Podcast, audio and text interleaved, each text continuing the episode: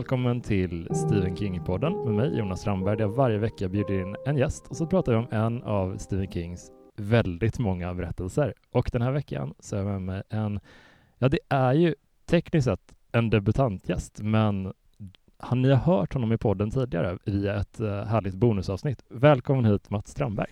Tack så jättemycket. Så Tack. kul att ha dig här. Det är så kul. Det var så kul att vi har äntligen fått det här att bli av. Så kul att jag fick vara lite lat och inte orka läsa en Stephen King-bok utan föreslå en film istället. Det, jag tycker det var jättehärligt. Ja. Det var lite för länge sedan vi snöade in på en film i podden generellt så att mm. uh, vi ska prata om Salem's Lot. Ja. För du är ju en uh, vampyrfantast av rang. Ja, men det får man väl säga. Alltså det är ju så här, Alltså, om du skulle fråga vilket mitt favoritmonster är så skulle jag nog inte säga vampyr, men sen när jag väl tänker på det så är ju faktiskt väldigt många av mina favoritstories. Vilka har du där uppe annars liksom? Nej men jag gillar ju egentligen mer liksom slasher-mördare och lite mer kusliga spökgrejer. Mm. Jag har liksom de två som mina go-to-prylar. Men sen när jag tänker efter så har jag jättemånga vampyrer bland mina favoritfilmer. Liksom. du gillar ju Buffy till exempel. Älskar Buffy. Ja. ja. Och du har skrivit en eh, roman där eh, en vampyr är väldigt central, kan man säga. Eh, du tänker på färjan? Eller? Ja, jag, ja. jag var osäker på hur sent, hur mycket man får säga. Om Jaha, nej, men nu får man det, säga det. Det är fine. Det är liksom, den är ju faktiskt lite Salem slott, fast istället för en amerikansk småstad i Maine så är det en Finlandsfärja. Mm. Och det är lite mer, de beter sig lite mer som zombies på sättet att smittan går mycket, mycket snabbare. Mm. Men, men det slog mig verkligen när jag kollade om den här filmen att så här, just det, den här satt verkligen i, i ryggraden. Eftersom jag har sett den så många gånger och läst den så många gånger när jag var liten helt enkelt, så, så insåg jag hur mycket den har färgat färjan. Mm. eh, verkligen. Just att jag, de är så uh, kött giftiga de här vampyrerna. De är så oeteriska. Mm. Um, och eh, i och för sig kan de ju flyga på ett jävligt fult sätt, det kan vi säkert prata om sen. Men, mm. men att det ändå finns någonting jag tror den här scenen med eh, de här pojkarna Gleck, deras mamma på bårhuset, den är så otroligt stark tycker jag. Den är lite underskattad. Det finns mm. flera ikoniska scener i den här filmen, men, men just när hon bara kliver upp där och liksom är det här förvirrade monstret som kommer stapplandes och mm har så här sorg i blicken trots att hon är skitläskig. Det, hon är så yrvaken. Ja, precis. Och så här, vad fan är det som händer? Liksom. Ja. Um, där kände jag, just det, mm. här, här, det här hade jag i mig när jag skrev färjan, verkligen. Ja. verkligen. För jag, jag, tänkte på det med färjan att uh, jag redan innan den känt en sån ovilja mot att åka Finlandsfärja. Mm. Jag typ, uh, inte lik, jag, jag varit uh, två gånger upptrött på en sån raw comedy cruise som var som en stand-up kryssning. Mm. och jag tänkte liksom länge att jag har mycket sociala issues och liksom umgås med massa främlingar länge under tajt inpå. Mm -hmm. Men så fick jag höra om komikern Messiah Hallberg som har Svenska nyheter nu. Okay. han berättade, eller han, det berättades om honom att han hade liksom bara gått på haft med sig en, en matsäck eh, till sin hytt. så hade han bara tillbringat hela kryssningen i hytten, förutom fem minuter innan han skulle uppträda. Då gick han upp på scen, sen gick han tillbaka till hytten. Gud vad skönt. Så. Ja, precis innan pandemin så var jag bjuden på en sån litteraturkryssning på, mm. det är ju sån här det är en ganska creddig grej att få göra på något sätt. Så jag skulle åka liksom fem dygn i sträck med Är det mycket fylleslagsmål? Ja, men det är ju mest kulturtanter, så jag tror inte mm. det är några älskar kulturtanter. Obs, mm. det var inget, uh, ingen, ingen kulturtant behöver känna sig kränkt. Um, nej men uh, jag såg väldigt mycket fram emot det, men jag hade också lite panik kanske mest över frukosten. Jag tycker det är så otroligt jobbigt med folk omkring sig mm. innan man har vaknat. Och behöva sitta där med liksom Siri höstvett och försöka säga något smart. hade ju varit lite ångest. Letar bland så här frukten och yoghurten. Ja, exakt. Och så här, ja men precis, försöka bestämma sig för. Ja, gud. Liksom. Och så här, kan jag sitta och smocka i mig så här pannkakor med Nutella framför Siri höstvett? Det är alltid det man vill, men ja. det är en, en spärr. Men eh, så kul att du valde Salem slott i mm. vilket fall, för jag har sett den för jättemånga år sedan mm. och plockade upp en Blu-ray-utgåva för, uh, för, för, när vi skulle spela in och slogs av hur uh, hur icke-kitschig den var. Eller jag, Mm. jag, jag minns den som kitschigare eh, Mm. än vad den Mm. var, men den var ganska lågmäld. Mm. Och så. Att, Vad tänker du med kitsch? Bara så jag förstår hur du, vad du menar med kitsch. Ehm, jag tänkte det skulle vara mer hysteriska vampyrattacker, typ att det skulle vara så här mycket in your face och Ah, men ja. första akten typ, för den är ursprungligen en miniserie i två delar, två Mm. gånger 90 minuter och första halvan är ju nästan vampyrfri, alltså Mm. i stort sett. Mm. Alltså, det är väldigt mycket uppbyggnad att Mm. Ben Mears, huvudpersonen, kommer till sin gamla hemstad och är väldigt intresserad av det här huset på kullen, Marston-huset, Precis. där också två nya främlingar har flyttat in som man vet väldigt lite om. Mm. Eh, men då är första halvan mycket så här lära känna byborna liksom, Ja. och alla huvudpersoner. Verkligen. Ja men verkligen. Ja, men det tycker jag är mysigt att den tar sig tid. Jag måste bara fråga, har du, har du sett den här som är som en långfilm, alltså en sammanhängande långfilm? Eller har du sett den i två avsnitt? För det har jag Eh, gjort. Nej, jag, alltså jag pausade den efter nästan exakt 90 minuter när jag misstänker att klippningen var eh, och så Mm. såg jag dem två kvällar i rad för att men eh, jag tänkte på det eftersom man såg det två kvällar i rad och så tätt in på då det slog mig hur, hur mycket den hade fungerat som en jättelång film. Mm. Alltså egentligen. För det finns ju någon nerklippt version som är långfilm, eller Mm. någon version som är långfilmslång, Mm. har jag förstått. Och det kanske en, helt ärligt, skulle tjäna på, kan jag Mm. tänka mig. Ja men den är lite lång, den breder ut sig lite mycket. Men jag, jag är rätt imponerad av hur Toby Hooper som från Motorsågsmassakern, Mm. eh, hur han det, det var kanske lite därför jag tänkte kitsch, för att han är så Mm. intensiv i sin regi i den. Att Mm. det, det är så nära, nära inpå och aggressiva scener, väldigt tight. Ja, verkligen. Jag tänkte mycket på, på Motorsågsmassakern förstås, och att han gjorde Poltergeist Just efter det. den här, som Ja. ju är liksom väldigt sådär, liksom Spielberg-esk. Spielberg har ju producerat och det säg- sägs ju att han nästan regisserade den. Men liksom att det här känns verkligen som det känns verkligen som film som kommer mitt emellan. Finns det någon film som kommer mitt emellan Motorsågsmassakern Mm. och Poltergeist så är det ju det här. Mm, mm. Eh, det, det, um, ja, den har det här lite creepy, det här lite opolitliga, just att det får vara lite taffligt ibland Mm. fortfarande, som om man inte har nostalgifiltret som vi kanske har, så då Mm. kanske det är så här o, olidligt. Men jag tycker att det blir väldigt mysigt och faktiskt blir läskigare av det också. Ja. Att man inte känner sig riktigt säker på så här, hur mådde de här människorna som spelar in det här.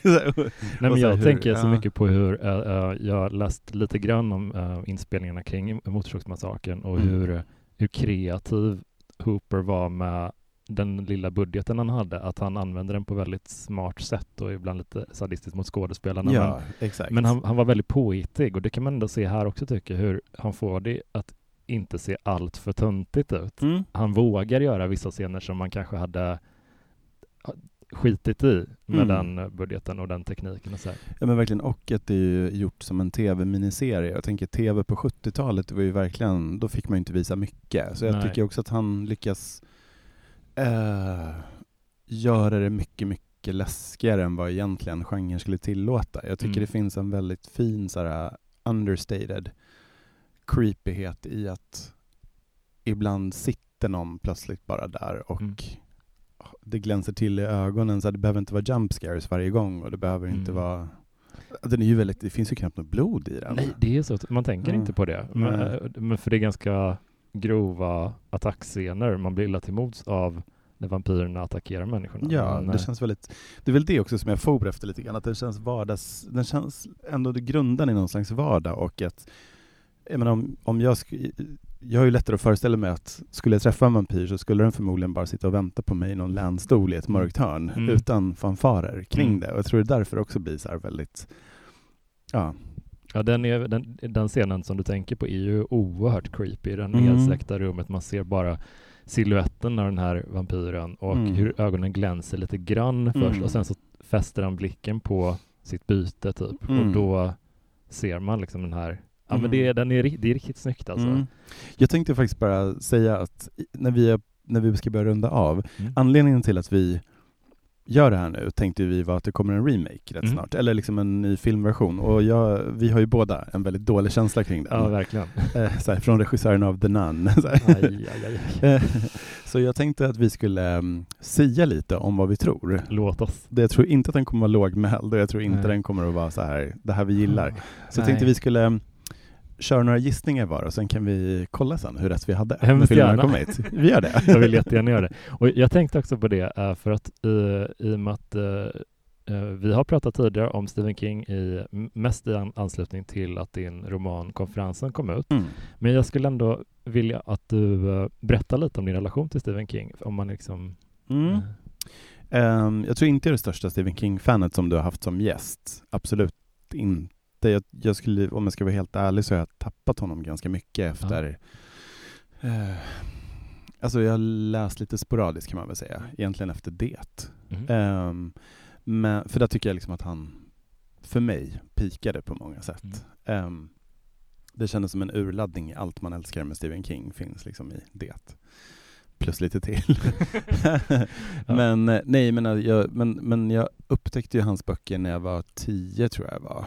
Eh, och det var antingen Djurkyrkogården eller Staden som försvann, alltså Salem slott. Mm. Och ehm, det var liksom, jag var ju ett väldigt här, ängsligt barn som var orolig för väldigt mycket, som aids och Tjernobyl och ja, allt som skrämde barn på 80-talet på något sätt. Och min mamma var också väldigt sjuk så jag hade väldigt mycket tankar om så här, döden och katastrofer och sånt som jag inte kunde hantera. Så att när jag upptäckte Stephen King så var det lite som att, att det blev, jag blev fruktansvärt mörkrädd men jag blev också jag kände mig lite mindre ensam tror jag. Att Mm. jag kände liksom att här är någon som försöker sätta ord på sånt som jag känner, fast ännu värre. Alltså så här, det, finns, det kan vara värre än vad jag har det på något sätt. Nej, men jag, det är så svårt att förklara det där, men, men det var väl helt enkelt bara, jag blev så otroligt kär i genren genom Stephen King och att de blev otroligt viktiga för mig, hans böcker. Och jag tycker fortfarande att de,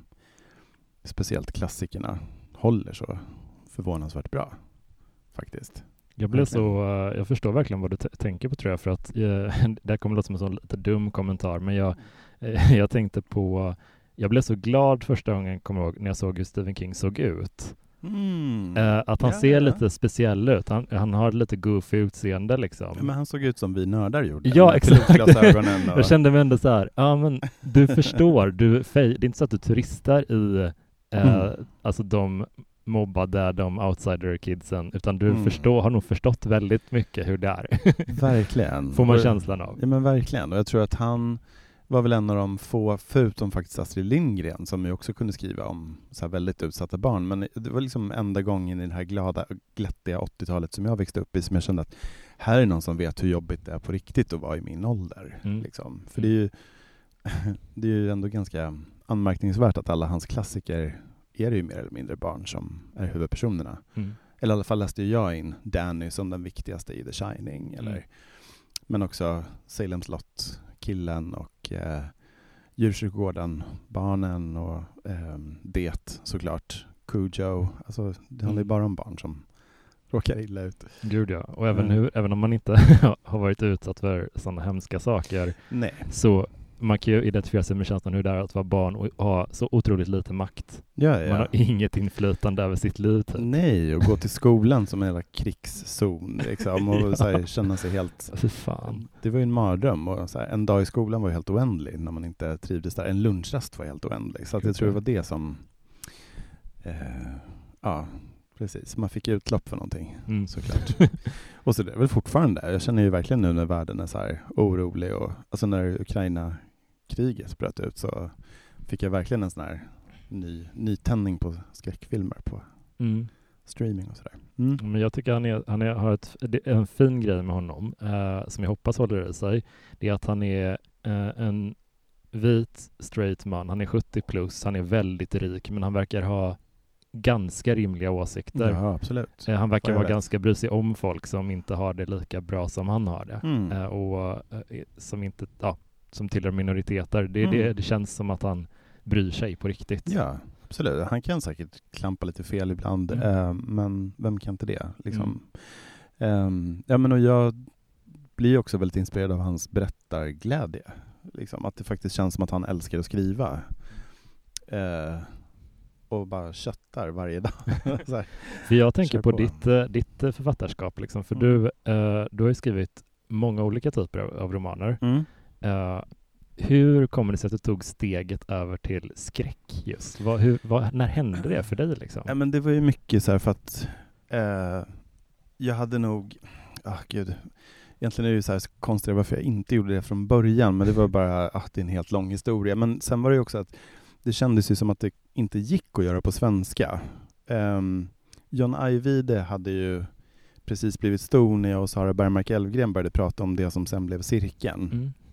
Och jag tror att då hittade vi väl, Sara och jag, lite mod i varandra. Att, eller mod, men alltså att vi peppade varandra till att säga, nej men nu ska vi skriva en så här riktig, eh, liksom, så här riktig typ Buffy, eh, liksom verkligen young adult, så här urban fantasy, fast på svenska, verkligen en urtråkig svensk småstad i Bergslagen. Eh, och så blev det. och så gick det ju så fruktansvärt bra, om jag ska vara så. Det gjorde det faktiskt. Så, eh, så sen när jag skulle kliva ur den här bubblan med de här tre böckerna som vi skrev, eh, så, så kändes det väldigt självklart att men det är det här jag ska göra. Men mm. jag hade inte orkat skriva en ungdomsbok till med fantasyinslag då, utan nej, men då var det lite back to basics och lite så tillbaka till det som fick mig att älska att läsa till att börja med. Mm. på något sätt. För du följde upp äh, de, den trilogin med äh, med färjan, just det, och sen hemmet, slutet mm. och, och konferensen. Precis, just exakt. Det. Gud, det är en bra, en bra kvartett där. Ja, så trevlig. de är ganska, jag tycker de är väldigt olika så. Om man, jag tänker typ, i mitt hus så är konferensen och, och färjan väldigt besläktade. Mm. Uh, och de är mer action och mer blod. Ja, liksom. det är sånt ös i dem, medan mm. så här, uh, hemmet och slutet är mera melankolisk, uh, mm. krypande mm. känsla.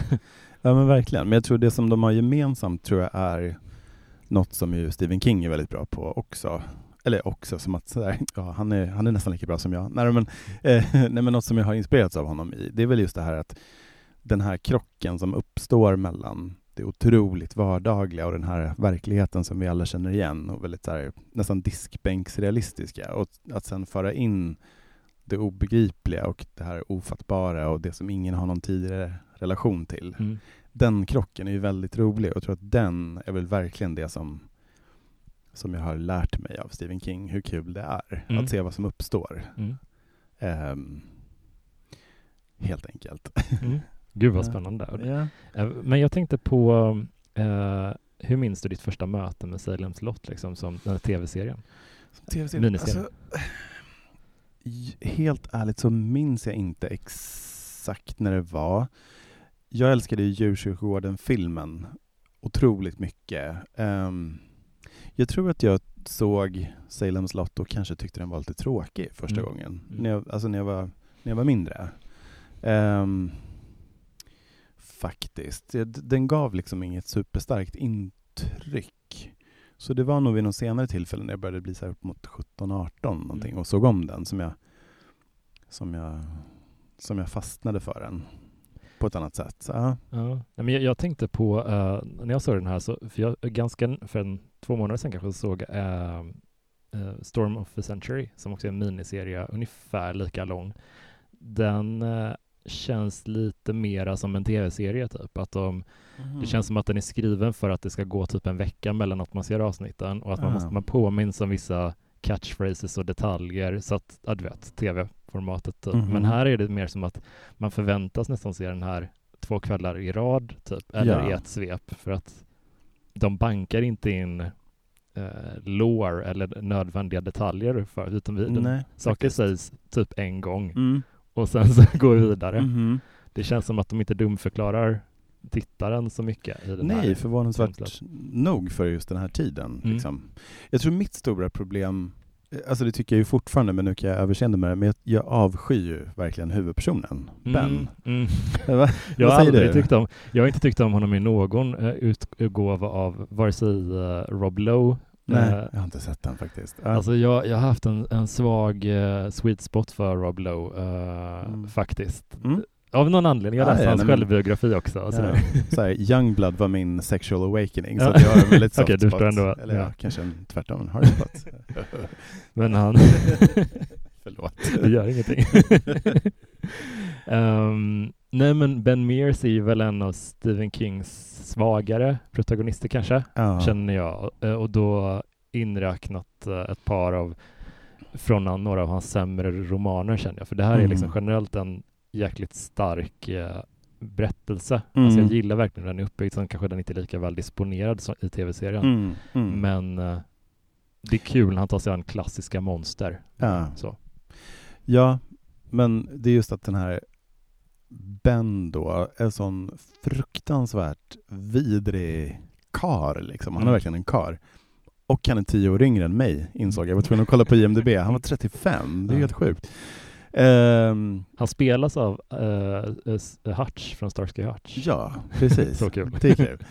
Eh, nej men han är ju, alltså just den här, jag tänker på just den här scenen när han träffar Susan första gången. De ska ju vara liksom det stora kärleksparet på något sätt i, i, se, ja, i serien. Och hu- hon sitter och läser hans bok, eller hon har hans bok uppslagen bredvid sig och han, liksom, han är så jävla jobbig när han kommer fram och Mm. bara Jaha, läser du den där boken? Vad tycker du om den? Varför läser du den inte just nu? Varför ligger Tycker den uppslagen för dörrryggen? Ja, exakt. Jag bara, "Ha, så du gillar den inte? Mm. Alltså han är så himla nedvärderande och passivt aggressiv och ett stort svart hål av bekräftelsebehov på Han något sätt. har Den är också- så konstig den Ja, han scenen. har också otroligt fula kläder hela Ja. serien. Och det där floppiga håret. Ja. Liksom.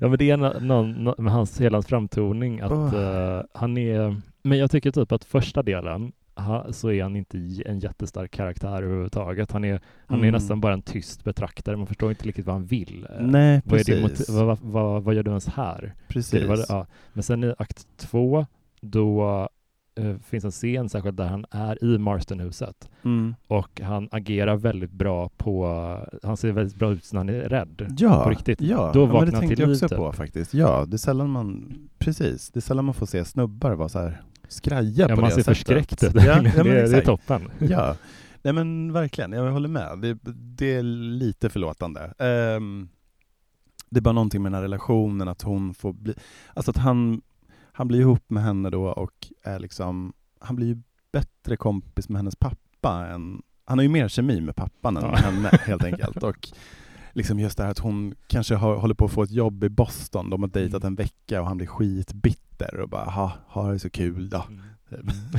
och hon bara, men det är bara en intervju, det kommer säkert inte bli något. Han bara, mm, Alltså det är trumpen. precis, för de har träffats i kanske två dagar och han Ja. är redan så här stryper hennes kapacitet Ja, det är så. på ett otrevligt sätt. Men jag gillar henne ganska mycket, Ja, faktiskt. absolut. Ändå. Ja, ja, hon är skitbra. Det är ju också... uh, Ja, jag känner igen henne jättemycket. Jo, men vet du, jag kollade upp där. Eh, Hon, ehm, hon är ju Bruce Willis fru i Die Hard-filmerna. Ja, det är hon! Ja. Just det. Ja, Det var därifrån. Hon är jätte, jättebra i den rollen. ja verkligen. Ehm, Hon känns som att hon är kändare än vad hon är, för hon ser ut som så många från den tiden också. mm, hon har också fast så här liksom- väldigt typiska hår, eh, liksom, alltså hairstyles i båda de två filmerna. Ja. Det sticker ut extremt mycket. Verkligen. Mm. Eh, ja.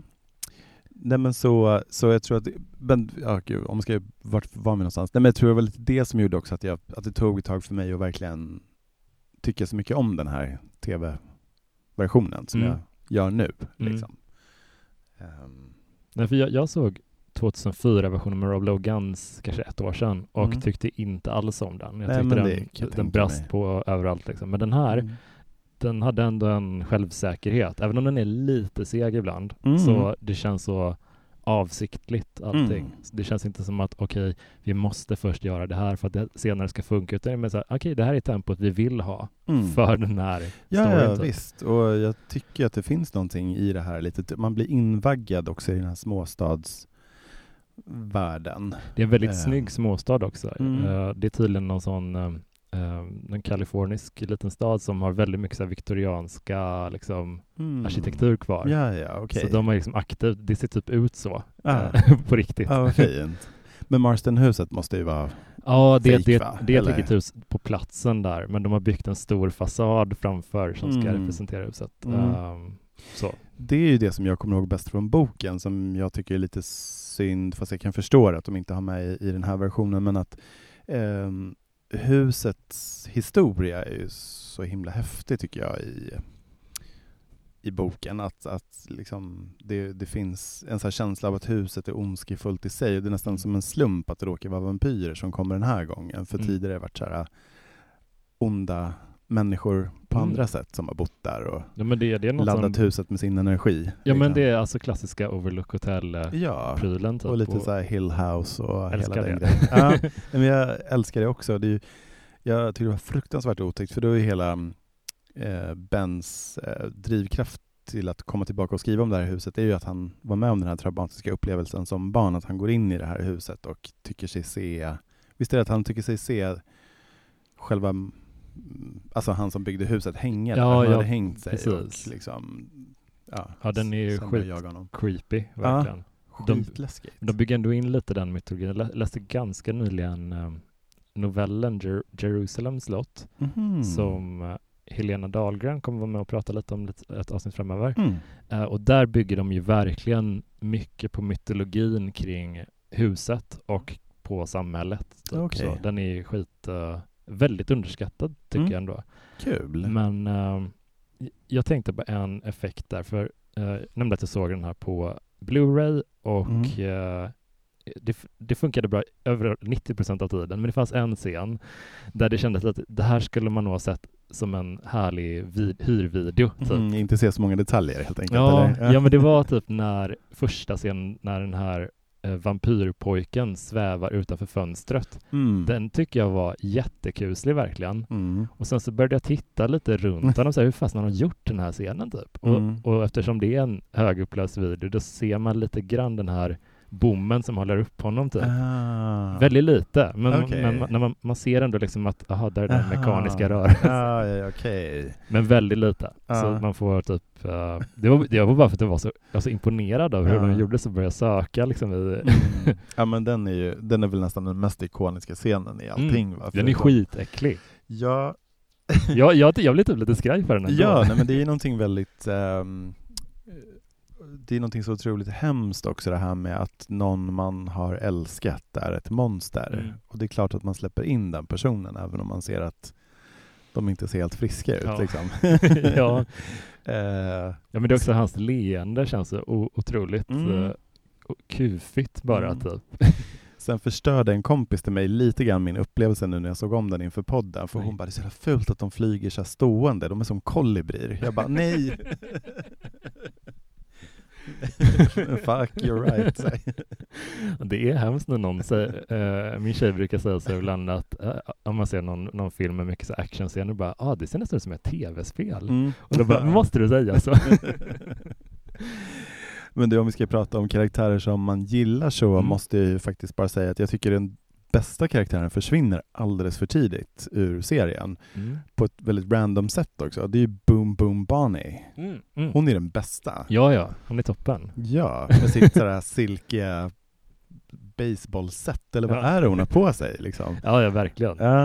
Nej, men det, det är lite som att de, eh, det, syret sugs ut lite Mm. när hon försvinner. Ja. Det, hade hon varit med och dykt upp med jämna mellanrum så hade det känts som att ja, men det finns en puls i ja, eh, verkligen. Och man förstår, de vill få den här Nosferatu-gotiska känslan, men det behövs ändå att det är en, någon som är lite bubblig. Mm. Någon som är en vanlig människa. Ja men verkligen. Ja, men för de som kanske inte liksom har det i färskt minne så är det ju hon som då jobbar på mäklarens kontor, eller hur? Mäklarens kontor som sekreterare. Och det är så fint på något sätt att hon, hon har den här relationen med, med mäklaren eh, och är lite så här, kallar honom för honey, typ, och Mm. så här, för hon glömmer bort sig, att de måste dölja sin hemliga relation. Och sen kommer hon hem till sin man och liksom, han bara sitter där och dricker bärs och men hon vill ligga med honom också liksom, Mm. och bara så här, ta det lugnt nu så att vi Mm. Ja, så att du orkar. så här. Ja men det är lite, um, hon blir liksom inte shamead för det, Nej, känns nej. det som. Nej, Eller väljer jag att se det som. det är så en sån ro, rolig, nej, men det är en mär, väldigt märklig scen eh, där hon sen, eh, hon håller på och eller liksom eh, hon ligger med den här eh, kollegan, Mm. eller de ska precis ligga, och blir påkomna av hennes man Just det. som springer in med en hagelbössa Ja. Och eh, hon i panik skriker hon att han håller på att våldta mig. Mm. Okej, nu när jag tänker på det så kanske hon inte framställs helt härligt. Men, jag det, det är så henne. roligt, alltså, det, det är inte roligt, men det är så mär- man blir så chockad av att det är det första hon rycker ur Ja. huvudet. Ja. Exakt. Och så det, ingen ingen så här medkänsla för vad det ska leda till. Nej, men- lover men han spelas också av Fred Willard som är en fantastiskt rolig skådespelare. Mm. Man har sett honom kanske som, eh, vad ska man säga, eh, pappan eller liksom, eh, ja men någon, någons papp, någon rolig, rolig karaktärs pappa Ja, i många någon så här filmer. typ Modern Family eller något sånt Ja, där? typ. Ja, han är ju Phil Dunphys pappa. Ja, just det. Han gick ju bort för bara några år sedan. Eh, Ja. Men väldigt rolig skådis. Ja. liksom. Och eh, Boom Boom Barneys man, som jag inte kommer ihåg vad han heter nu, eh, han är den här obehagliga, jag tycker det finns ett så speciellt utseende, ska vi inte liksom shamea folk för det på något sätt, det är inte det, hmm, men nu gör jag det ändå, höll på säga. Nej men det finns ju något med de här männen som är så pojkgubbar, som att de Mm. både ser ut som små barn och gamla gubbar samtidigt. Ja, Och det är ju han den här som också är Michael Douglas bästa kompis i Basic Instinct, Mm. han den här, ja, hennes man helt enkelt. och han uh, skåd, eller komikern från Saturday Night Live, Chris Farley, har lite det utseendet Mm. ibland också. Och Efter- Lars Adaktusson en sån Ja. också. Och, och Carl Bildt har varit. Faktiskt. Ja, eller hur? Det är en Ja, man målar ändå liksom. karaktären. Ja, verkligen. Ja.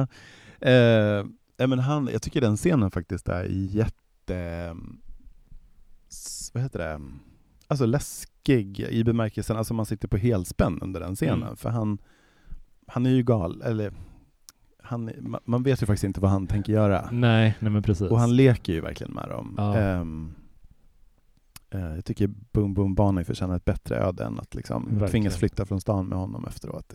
Ja, verkligen. otroligt deppigt. Det är också så konstigt att så här, de här snubbarna som ska eh, åka och hämta Barlow, det vet de inte om, men de ska ju hämta liksom den här lådan med vampyren i, Mm. helt enkelt. Och att de sitter och snackar, de vet ju om att han ska göra det här och liksom att han ska ta med sig bössan och Mm. avslöja sin fru och de är så här, hö, hö, ja, det vet man ju vad man själv hade gjort, ungefär. Ja, det är verkligen så här som Twitchy zone-vibb typ, ja, överallt. ungefär som att, ja vi får se om man mördar henne. Det hade alltså Ja. som att det var ett helt okej, Ja, det är verkligen en sån... Men jag tycker det är så intressant hur det är klassisk King småstadsgrej att ja, men folk sköter sig själva och man ska inte Mm. lägga sig i för mycket. Men det, det sker lite grann eh, över axeln här upplever jag. ja. jag känner mig inte säker på att det var meningen att det skulle vara konstigt. Förstår du vad jag menar? ja, det ja, är så här, verkligen. eller det här bara en tidsanda. Ja, Ja, Ja, lite så här, är- uh. Men vad, hur tycker du de, eh, för, för um, om man ska eh, presentera hotet här, då är det liksom Mm. egentligen i form av två karaktärer. Vi, vi, vi kommer spoila ganska fritt känner Ja, vi får nästan eh, göra det för att kunna snacka om det. Ja, liksom. jag tycker det. Ja. Um, Det då är har ändå vi, en 40 år gammal film. Typ. Ja, alltså, verkligen. Men vi har uh, Straker och Barlow. Det är de Mm. två nya främlingarna som flyttar in i Marstonhuset. Uh, Straker öppnar även en uh, antikbutik Mm. mitt i, i Salem slott som det heter hela tiden i den här filmen. Inte Mm. Jerusalem slott. Mm.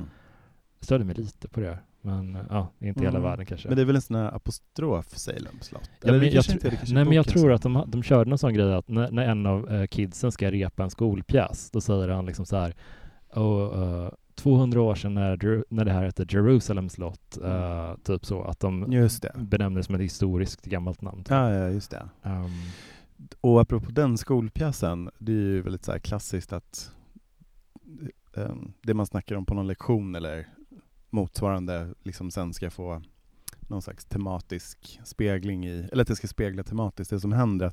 mm. Jag tyckte det var intressant att den här skolpjäsen handlar ju om liksom när USA gör sig fria från England, liksom att göra sig fria från den gamla världen och att det här nya landet, det Jo. moderna landet. Och sen kommer ju liksom hotet från de här, från vampyren och hans Ja. medhjälpare som kommer från England och ehm, Tyskland. Just det, precis. Så att det, är liksom, det är som att den gamla världen så här sipprar in, Det sipprar tillbaka in som ett hotet. hot. Ja men precis, exakt. Men det är så intressant tycker jag hur de bygger den duon. Um, I och med att Straker är typ en människa Mm. eh, i stora drag och eh, Barlow är vampyren liksom. Mm. Det är, han porträtteras rätt intressant i filmen för att han är mer av en Nosferatu 100% av tiden. Han Ja. kan inte skifta mellan mänsklig och en vampyrgestalt. Typ. Nej.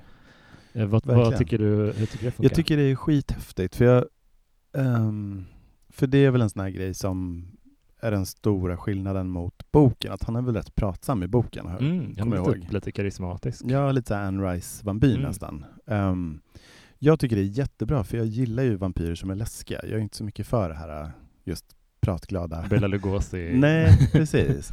Eh, jag tycker det är otroligt effektivt och jag tänkte på det att det kanske är en sån grej som är lätt att underskatta nu hur vilken grej det var då, hur smart det var att göra en Nosferatu-vampyr, för det måste ju nästan ha varit första gången sen Nosferatu Mm, en sån vampyr dök upp Mm. på film. Um, så otroligt bra val. Otroligt effektivt tycker jag. Um, tycker det är fint att han är blå också.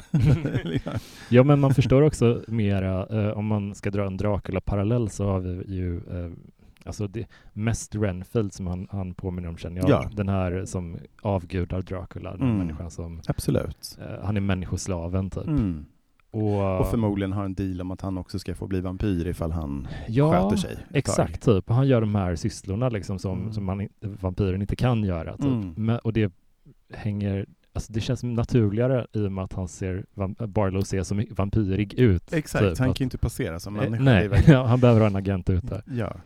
Och här kan jag bli väldigt så dubbel i mitt tittande, för som fan så köper jag bara rakt av att jag tycker det är kul. Mm. Men som liksom den som, som en som själv skriver skräck och håller på och tänker på de här grejerna, så blir jag så här, men varför pratar ens Straker om Barlow? Alltså Mm. för, eftersom ändå ingen får se honom, varför Mm. pratar han om det som att vi har kommit till stan, vi öppnar den här affären? Ja, För att det ställer ju bara till problem för honom, för att alla frågar efter, efter, efter honom hela ja tiden. alltså dölj hans existens helt Ja, istället. precis, för det är ingen som liksom kommer att få se Nej, honom det är ändå. sant, faktiskt. Eh, och, det, och det där är så tråkigt med att hålla på med sånt här, att man inte kan låta bli att ställa sig de Nej, här men frågorna. vet du vad, jag håller verkligen med och jag tycker att det är lite nice att dyka in för att ofta, alltså här, det finns eh, eh, några lyssnare av podden som är lite så här, tycker att jag ibland bryter ner saker lite för mycket i Mhm. beståndsdelar, men jag tycker också att Stephen King ofta håller för det. Så det är Mm. inte ett sätt att försöka förstöra mytologin, utan det är Nej. liksom mer att visa hur, titta vad mycket han tänker på det. Till och med den här lilla grejen, Mm. när man tänker på det så hänger det ihop. Men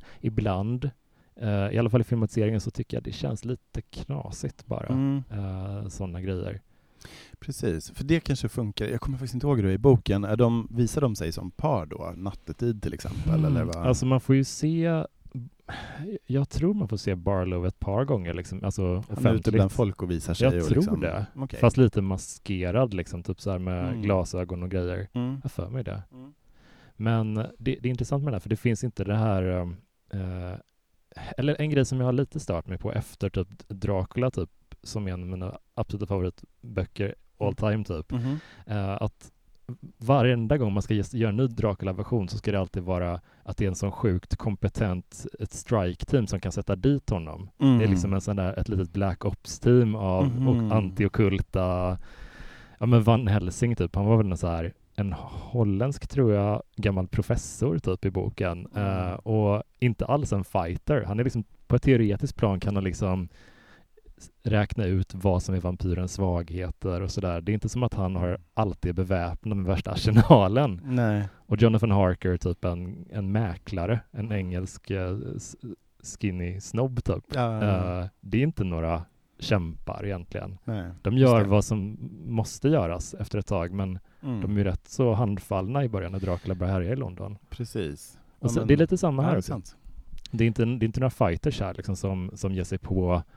Vi har Father Callahan som är prästen, Mm. men han tvivlar i sin tro också. Mm. Det finns en interaktion mellan honom och Barlow. Precis. Och han, jaha i boken menar du? Eller i... Eh, jag tänker specifikt här, Ja, ja, liksom, ja, när okej. de står mot varandra och testar. Han håller fram krucifixet och då får Barlow honom att tappa det typ. Mm. Så han är ju liksom en sån sviktande i sin tro typ. Precis. För det är också så här grej som jag tänkte på. Förstod du så här, jag hajade inte riktigt om man nu ska hålla på så här, för att Ben håller till exempel på och pratar med Susan om att så här, "Åh, ni måste ha krucifix och hon bara, det skulle mamma aldrig gå med på för vi, är- vi tillhör den här kyrkan typ. Ah. Men sen plötsligt går det att så här tejpa ihop två glasspinnar till ett kors och det är liksom, det Ja. får till och med en vampyr att gå upp i rök. Jag, ty- jag tycker det är lite irriterande för att det, det känns ju som att om inte det är en symbol för ens tro som Mm. står i motsats till vampyrens åskådning, då är det väl ingen poäng. Om du inte tror, om du inte själv är djupt kristen troende eller sådär, Mm. då tänker jag alltid att varför skulle korset betyda ett skit? Du, Mm. för det betyder ingenting för dig som håller i det. Varför skulle det vara ett, jag tänker så här, Mm. tron är det som gör korset till ett vapen i mitt huvud. Liksom. Okej, men jag gillar det här. Så att det är liksom vampyrens personliga rädsla för korset. Alltså det blir en självuppfyllande profetia Ja, men jag där. tänker det, typ. Att det, det, Mm. det är liksom, eh, det blir inte ja, man måste weaponisa det med sin... ja, men för um, Straker, just i den här scenen som du pratar om med, med prästen, liksom, så när han står där med sitt kors så är ju Straker väldigt fraktfull och bara mm. kallar honom för schaman och liksom, mm. liksom som att det är någon du är bara en av alla religiösa ledare. Exakt, det är vilken vidskeplighet som helst mm. ungefär. Liksom. Och det verkar ju vara Barlows inställning också, mm. eftersom han bara så. Mm. Um, så det kanske ligger något i det. Du var uppenbarligen smartare än mig. Nej, nej men jag vet inte, men jag, jag, tänker väldigt, jag är väldigt intresserad av uh, alltså typ så här, hur King jobbar med djävulssubstitut och sådana grejer. Mm. Jag tycker det är väldigt spännande typ. Och det, det är intressant, det, det här är ju den andra romanen som han skriver, mm. eller som han, han, kommer upp med. Och så baseras, um, man märker lite att hans mytologi inte är lika utvecklad än, mm. på ett positivt sätt tycker jag, för mm. att senare tiden, de senaste böckerna har varit väldigt så här, ja ah, men det, har man läst Dark Tower så fattar man den här referensen och det är ett mm. stort universum. Mm. Det, det, är kul på sitt sätt, men det här är kul för att det, det är bara Salem slott. Mm. Det är inget annat. Precis, ja, men den, den är lite så här mittemellan, den är lite oklar i hur mycket den tar avstamp i en så här kristen världsbild. För jag mm. menar, vi har ju också något slags magiskt vigvatten som börjar lysa när vampyrer närmar sig. Ja, det är också liksom, konstigt. ja, fast lite, jag kan både tycka att det är coolt och lite lökigt, ja. så här som det ska vara med, med 70-talsskräck. Absolut. Um, men så det finns ju någon slags um, tro på, alltså den utgår ju ändå väldigt mycket från en kristen mm. värld um, ta lite genvägar ibland, mm. liksom den vägen. Men det känns som att han inte vill bli anklagad för att stjäla för mycket från Dracula och sådär, tänker jag. Mm. Typ, eller jag, mm. jag, vet inte att det, det är så svårt att, för den här flyter ihop lite med boken i huvudet, men uh, det känns som att den är trognare boken än vad man hade förväntat sig. Mm. Typ. Att de har slagit samman några karaktärer här och där, men i övrigt, så, alltså den är ju en ganska bra take på romanen mm. typ. Um, Absolut. Alltså jag tänkte på en aspekt som jag, jag, kan inte riktigt avgöra egentligen hur mycket man får den känslan i, om man, om man inte har läst boken och ser den här filmatiseringen, så just titeln Staden som försvann, mm. hel, det är ju verkligen ett tema i boken, att mm.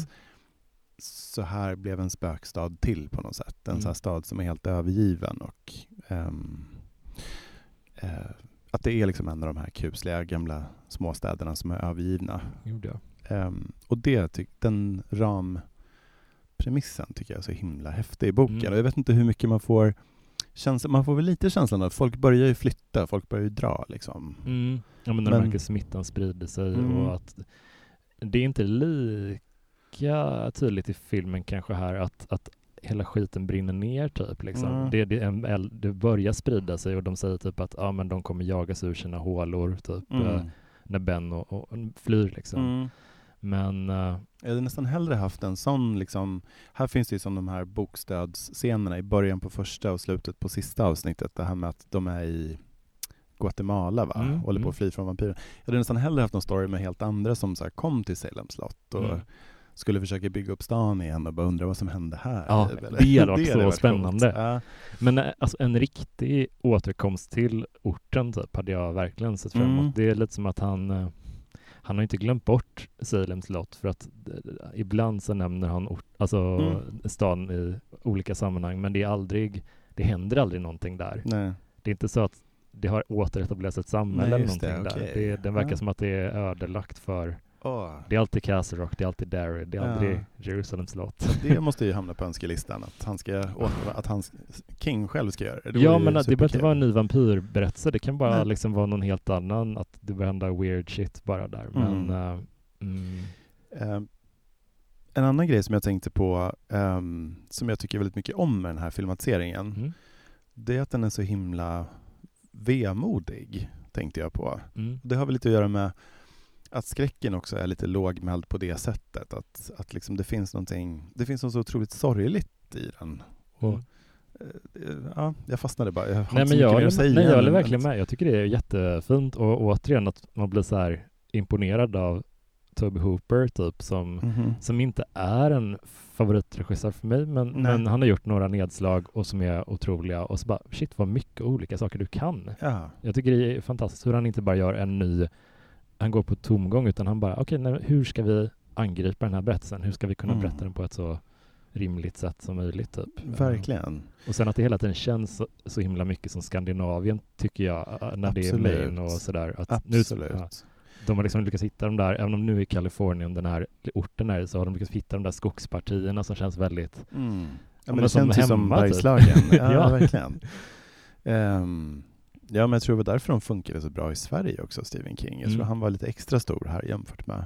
Det Han har ju varit stor överallt, men jag tror han verkligen Ja. var lite extra stor. ja, men det är så himla här. kul när man tänker på så här, ja, man ser någon filmatisering av, ja men så här Bag of Bones som inte är en jättebra filmatisering men, men den är Mm. väldigt vacker typ visuellt och man, äh, man säger, åh gud vad fint det där huset ligger och så bara, fast jag har ju sett tusen sådana hus i Sverige också liksom. Ja. Det är ju typ standard där. Ja, och den här liksom, jag som kommer från en liten så här bruksbygd i Bergslagen känner ju också verkligen igen den här mentaliteten Mm. som finns. Den här machokulturen och liksom den här lite, ja men som du sa, folk, man ska sköta sig själv och Mm. inte lägga sig i om grannen slår sin fru och Mm.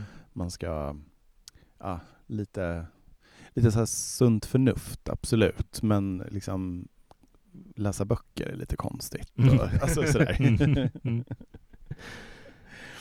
Men Ja. eh, det hade varit så himla kul att höra lite om hur den här eh, filmen eller boken, alltså liksom berättelsen på olika sätt har inspirerat Mm. ditt eget skrivande, liksom ditt eget skapande. Har ja, du? men jag tror just med färjan så, jag håller ju på just nu med en tv-adaption på färjan som vi har inte fått greenlight än, men jag är liksom tillbaka, i, Yes. jag är tillbaka ombord helt enkelt. Underbart! Det är jättekul.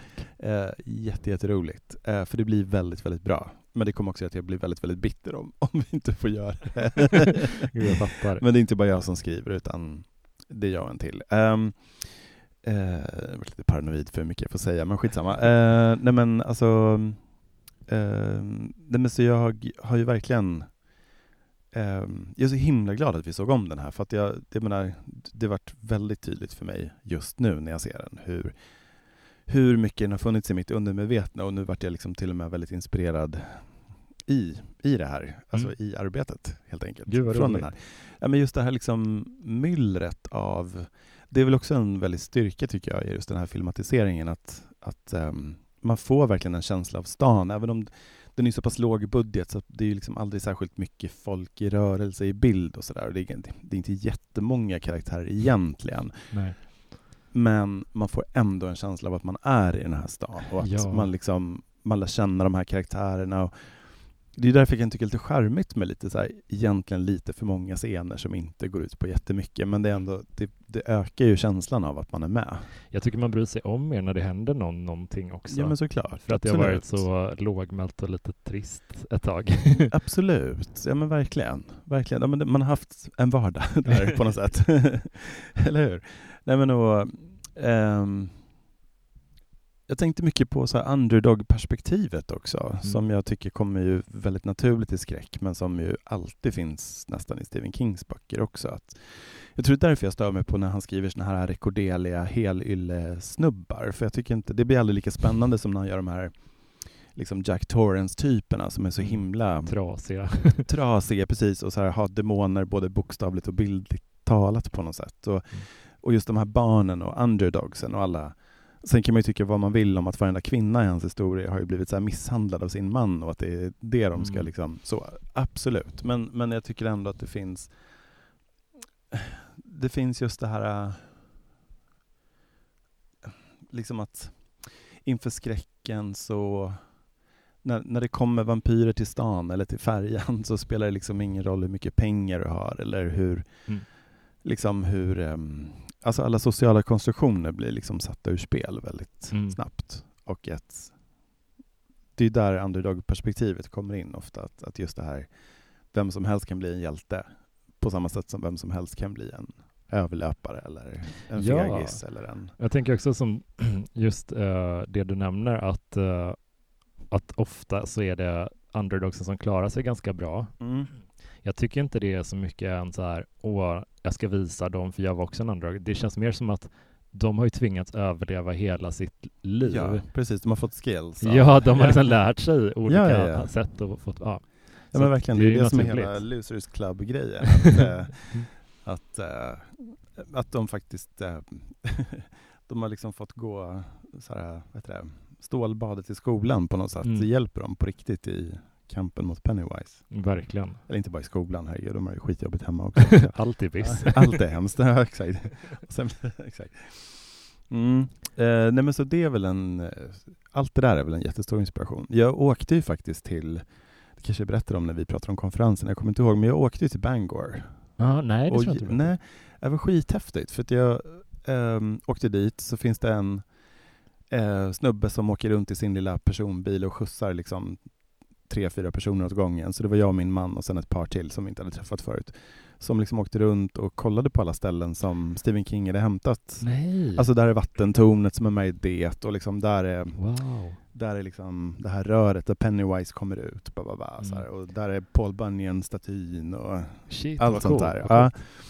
ja, nu kommer jag bara på det exempel bara för det. Men alltså det fanns ju fler såklart. Ehm, och det var så himla häftigt för det var precis som man såg det framför sig i böckerna. Mm. Det var precis så det såg ut i Bangor. Att han har gått omkring där och sett. Ja, ja, upp ja men exakt. Och sen, förutom att det var häftigt med liksom själva det som har med skrivandet att göra så Ja, och att jag stod utanför hans grind som en jävla Annie Wilkes och så här, tittade in. Så. Eh, så var det också, så här, hela stan är ju väldigt genomsyrad av paret King på något sätt. Att, Mhm. ehm, till exempel så finns det ett så här, liksom professional sized baseball field så här, där, som är gratis för alla ungar att spela baseball Nej. på. Och då heter det liksom inte så här The Stephen King Field, så här, utan det är väldigt diskret allting. Det är liksom inte... Gud vad classy. Ja, det är jättekul. Tydligen så kallas det för Field of Screams i folkmun. Så här, det är kul. Eh, nej, men likadant att de har gjort otroligt mycket för trakten. Att de till exempel, när barnsjukhuset skulle lägga ner, då, då gick liksom paret King och bara drog igång någon så insamling och du vet, så matchade varje dollar som invånarna drog in så att det blev en sån här Mm. community-känsla kring det. Mm. Eh, skitfint, och den heter Jätte- inte heller så här The Stephen King Wing. Eh, Alltså, utan det, det är bara så här, vet man så vet man. Liksom. Ja.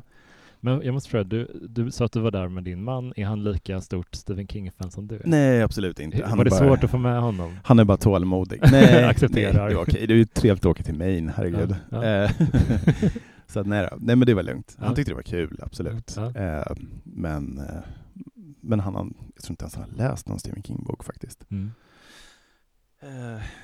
Det måste det bli ändring på. Ja, definitivt.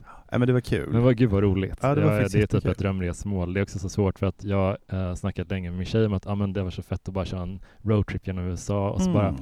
fast om man har en viss tid så kan man tillbringa några dagar i Maine då. Det är Mm. svårt att rättfärdiga, alltså jag vill ju det. Ah, ja. Men det är inte jättelångt ifrån från New York och om man åker till Nej, Boston. det eller... kanske inte är så...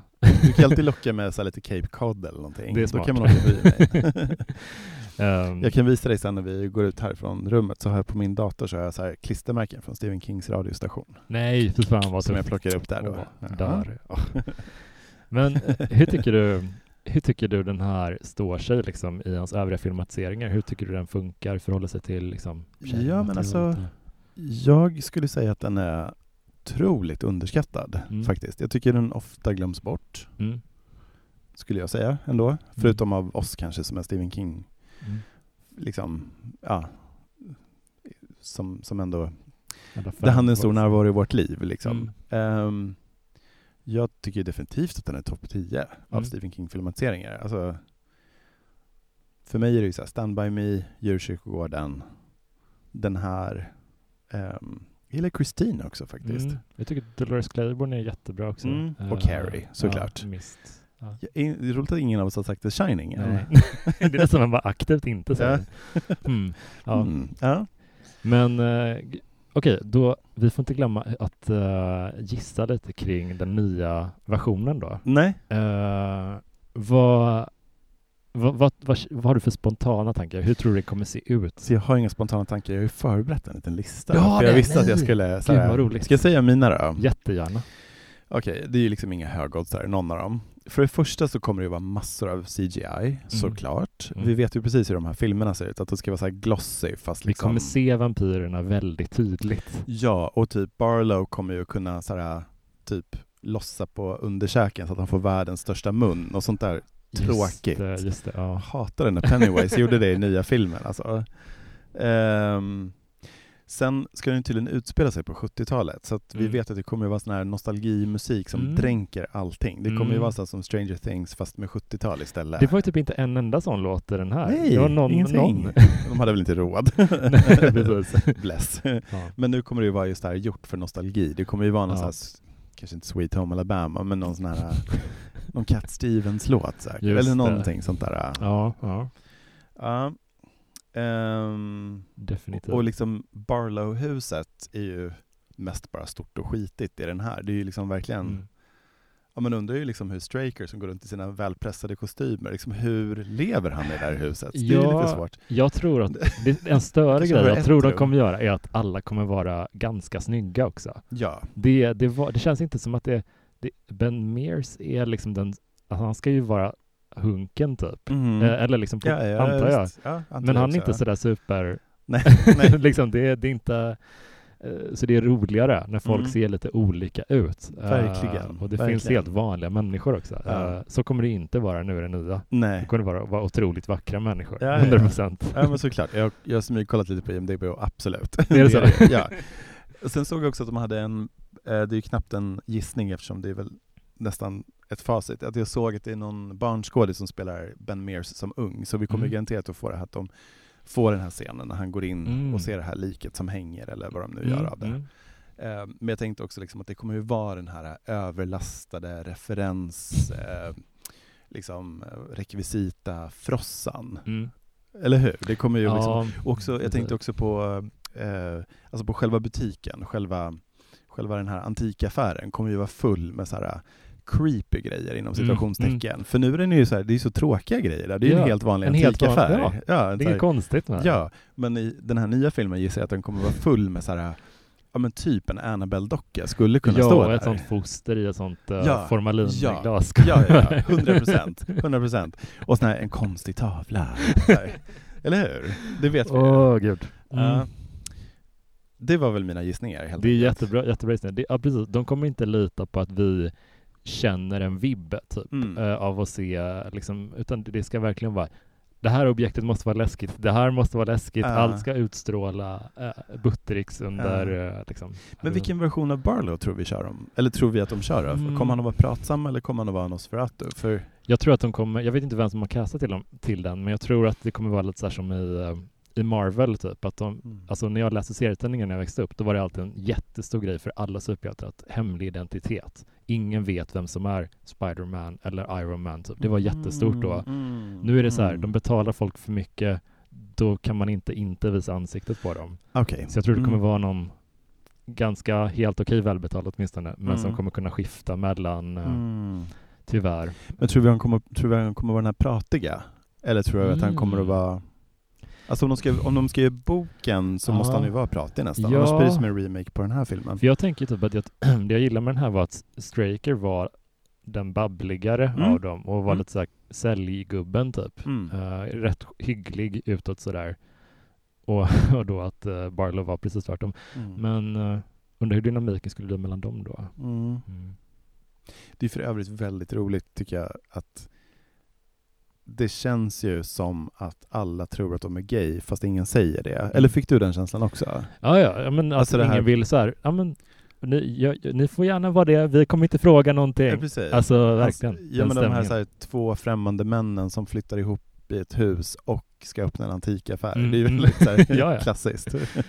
Frågan om de kommer göra, spela ännu mer på det, det hade jag tyckt var lite kul. Mm. Det hade piggat upp, för, för det det känns lite som att de inte har vågat lägga in så mycket nya element i de senare King-adaptionerna. Det, det är lite så här eh, för mycket följa liksom Det mallen. kanske är typ. sant faktiskt, nu när jag tänker på det. Men Ja. jag vet inte, typ så här It och sådär. Men, Ja.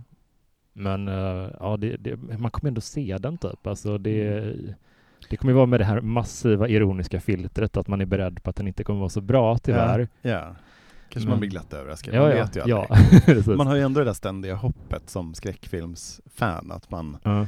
man vet att det, nästan aldrig är så super, super bra, men man blir Nej. så lycklig när det Ja, är det. ja, man är verkligen så himla, verkligen inte bortskämd med riktigt, riktigt bra. Men Nej. du, eh, på tal om det, eh, du håller ju på med en filmatisering av din svinbra bokkonferens nu. Jag, ja, men jag är så Ja. taggad på, på den uh, filmatiseringen. Ah, Vad kan du med. säga om det? Kan du säga någonting om den? Jag kan säga att den är färdiginspelad. Okej. Ehm, och att jag ehm, har varit och kollat på set eh, några gånger och det ser helt otroligt, alltså det är så bra skådisar så att det är ju ehm, det, bara det, att få se en slasherfilm med bra skådisar, det händer inte superofta. Nej, nej, ändå. verkligen inte. Och att de har haft väldigt roligt, att de har verkligen varit det är så sällan skådisar får vara ett gäng på det där sättet och verkligen gå igenom så jävla grueling shit together. Mm. Så här. Och, men också att de har så här, kunnat spela, få mycket energi i sitt spel av varandra och sådär. Så att jag, sen vet man ju förstås aldrig hur det blir, men de klipp jag sett hittills har varit ja, men alltså, så himla, himla fina, så himla bra. Mm. Ehm, och det är jättebra folk som jobbar med så här, själva eh, special effects, makeup och sånt Mm. där. Och det var kul. ja. Gud, ja, ja, det, eh, du, du kanske inte får säga om det kommer med eller något, men det finns en scen från boken som jag hoppas blir filmatiserad eh, och det den har med en linbana att göra. Mhm, mm. Mm. Ja, ja, ja, ja. Håller tummarna för den. Ja. Eh, men så kul. Eh, ungefär när tror du att den kan uh, släppas? De har sagt det i år, Netflix. Ja, så att, ehm, ja, vi får se. De ska väl passa in det i hela sin globala liksom, pusselgrej. Mm. Sådär. Så vi får se. Men det är ju coolt. Den Svincoolt. kommer ju ändå över hela världen. Så, Alltså, gud. ja, det är så, så taggad på den. så flummigt. Ja. Men så kul att du ville vara med och prata om Jätteroligt. slott. Uh, alltid Ja. fint att ha med dig här. Um, du är varmt välkommen tillbaka en Tack. annan gång. Som Vi du- kanske ska köra film nästa gång också. Jag, skulle ju, ja. jag älskar ju original Djurkyrkogården-filmen så himla Ja. mycket. Vi kanske måste köra den och prata Zelda. Ja, djupdyka i filmversionen. Mm. Ja, jättegärna. Vi gör det. Så kul. Eh, tack för att du har lyssnat på uh, det här avsnittet av Stephen King-podden. Hoppa gärna in i Facebookgruppen och snacka lite om Salems slott från 1979. Så hörs vi snart igen. Hej då!